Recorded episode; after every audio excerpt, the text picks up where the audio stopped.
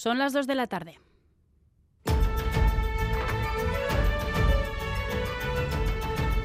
Crónica de Euskadi con Mayalen Galparsoro.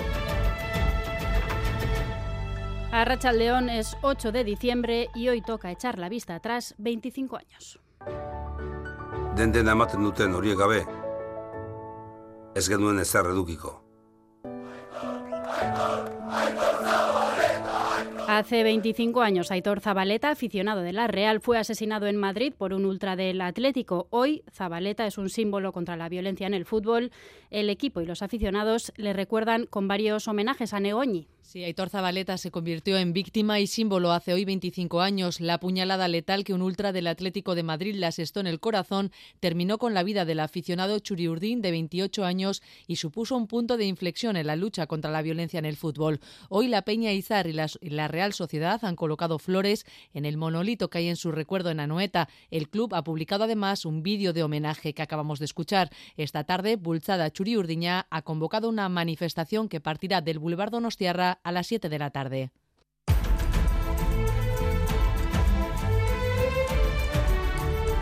Y Guernica ha sido escenario este mediodía de un acto simbólico de apoyo al pueblo palestino con un mosaico humano gigante. Han alertado de la masacre que Israel está perpetrando en Gaza y reclaman una solución de fondo al conflicto. La iniciativa Guernica Palestina ha querido utilizar la referencia de la localidad vizcaína porque fue donde se produjo el primer bombardeo masivo contra la población civil. Tras la confirmación del mosaico, se ha llevado a cabo un acto de solidaridad con la lectura de un manifiesto a cargo de la actriz Itziar Ituño. El mundo y la historia no pueden tolerar la destrucción de un solo pueblo más. El mundo y la historia no deberían aceptar lo que está pasando en Palestina. El mundo y la historia no deben aceptar un nuevo Guernica. Y esta mañana en Bruselas, Nadia Calviño ha sido elegida presidenta del Banco Europeo de Inversiones, Miquel Arregui. Ella era la principal favorita para el cargo y finalmente Nadia Calviño será la presidenta del Banco Europeo de Inversiones. Los miembros, los ministros de Finanzas de la Unión confían en, en, la que hasta ahora ha sido vicepresidenta económica de España para pilotar, entre otros, la financiación de la transición verde en Europa o la reconstrucción de Ucrania. Pedro Sánchez ha felicitado a Calviño por su elección, asegura que la echará mucho de menos. El presidente del Gobierno tiene todavía algunas semanas de plazo para pensar en el reemplazo de Calviño como vicepresidenta primera del Gobierno. Y también en Bruselas sigue la negociación sobre la primera gran ley que regulará la inteligencia artificial en Europa.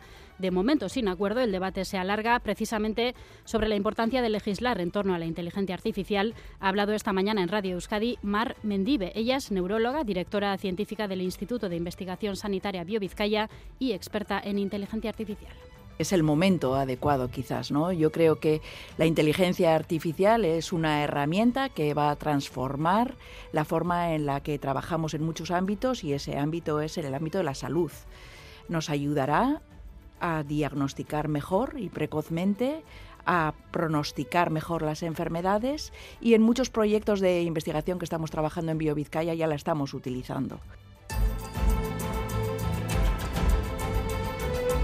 Tercera jornada de la Durango Coazoca hoy, jornada multitudinaria donde incluso se han tenido que cerrar las puertas para regular el aforo. Durango, Galder Pérez, Arracha León.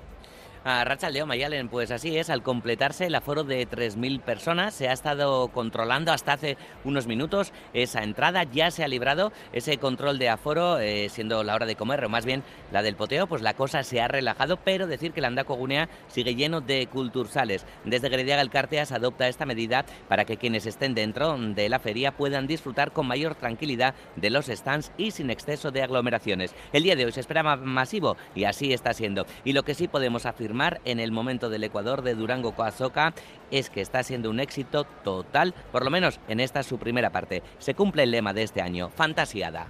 Enseguida retomamos esa conexión con Durango y hoy hemos sabido que una mujer ha denunciado una agresión machista durante la celebración de la feria. Ha informado sobre ello la organización de la Durango Coazoca, que explica en una nota que han tenido conocimiento de que ayer un hombre acosó a una mujer en el marco de la feria. Durango Coazoca ha querido mostrar su apoyo y solidaridad a la víctima y ha dejado claro que no acepta ningún tipo de agresión contra las mujeres. Y otra cita entre lo cultural y lo deportivo, hoy en Bilbao, esta tarde arranca el Mendifilm Festival, 57 películas en 30 sesiones que se desarrollarán en tres salas de la capital vizcaína.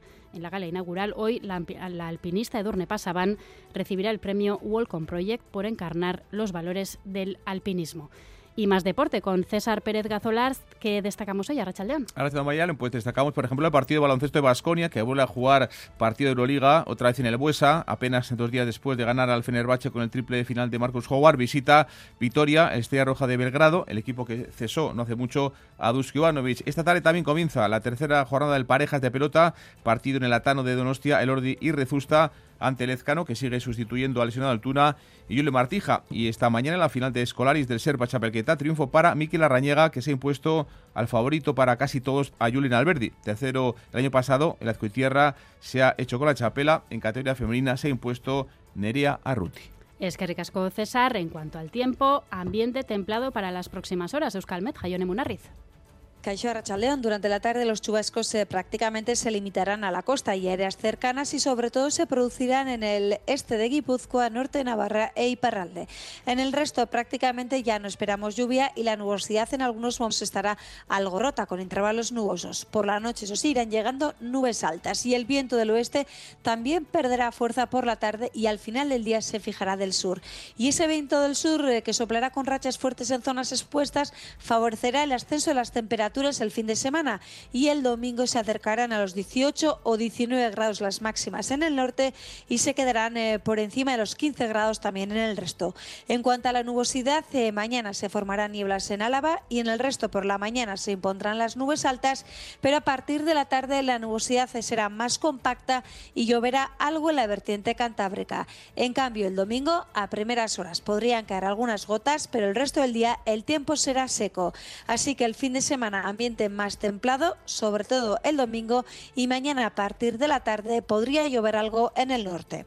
Con Joseba Urruela y José Ignacio Revuelta en la dirección técnica, Aitziber Bilbao en la coordinación, comenzamos.